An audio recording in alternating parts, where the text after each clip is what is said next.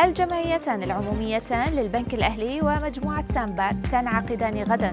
وماذا قال وارن بافيت عن شركة أبل؟ والنشاط الصناعي الصيني يواصل النمو في فبراير ولكن بوتيرة أبطأ. أبرز أخبار الساعات الأربع والعشرين الماضية في دقيقتين على العربية بودكاست.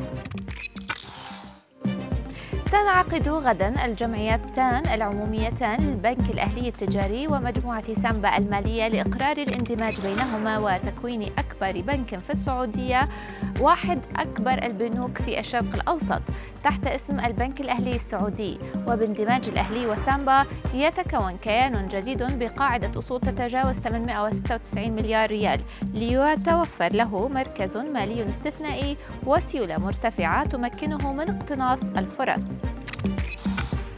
في قطاع الاستثمار أكد مؤسس شركة بيركشاير هاثاواي والملياردير الأمريكي وارين بافيت على أن استثمار مؤسسته في عملاق التكنولوجيا أبل هو من أهم الاستثمارات لدى الشركة علما أن بيركشاير هاثاواي رفعت استثماراتها في أبل لتصل إلى أكثر من 120 مليار دولار.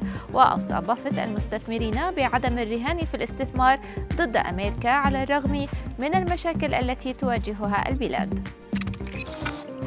في الصين تراجع مؤشر مديري المشتريات في فبراير ليأتي دون توقعات المحللين وبلغ 50.6 نقاط في حين كان بلغ 51.3 نقاط في يناير الماضي.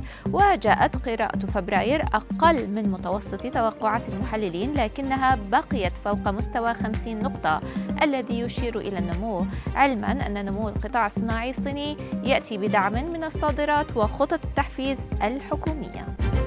thank you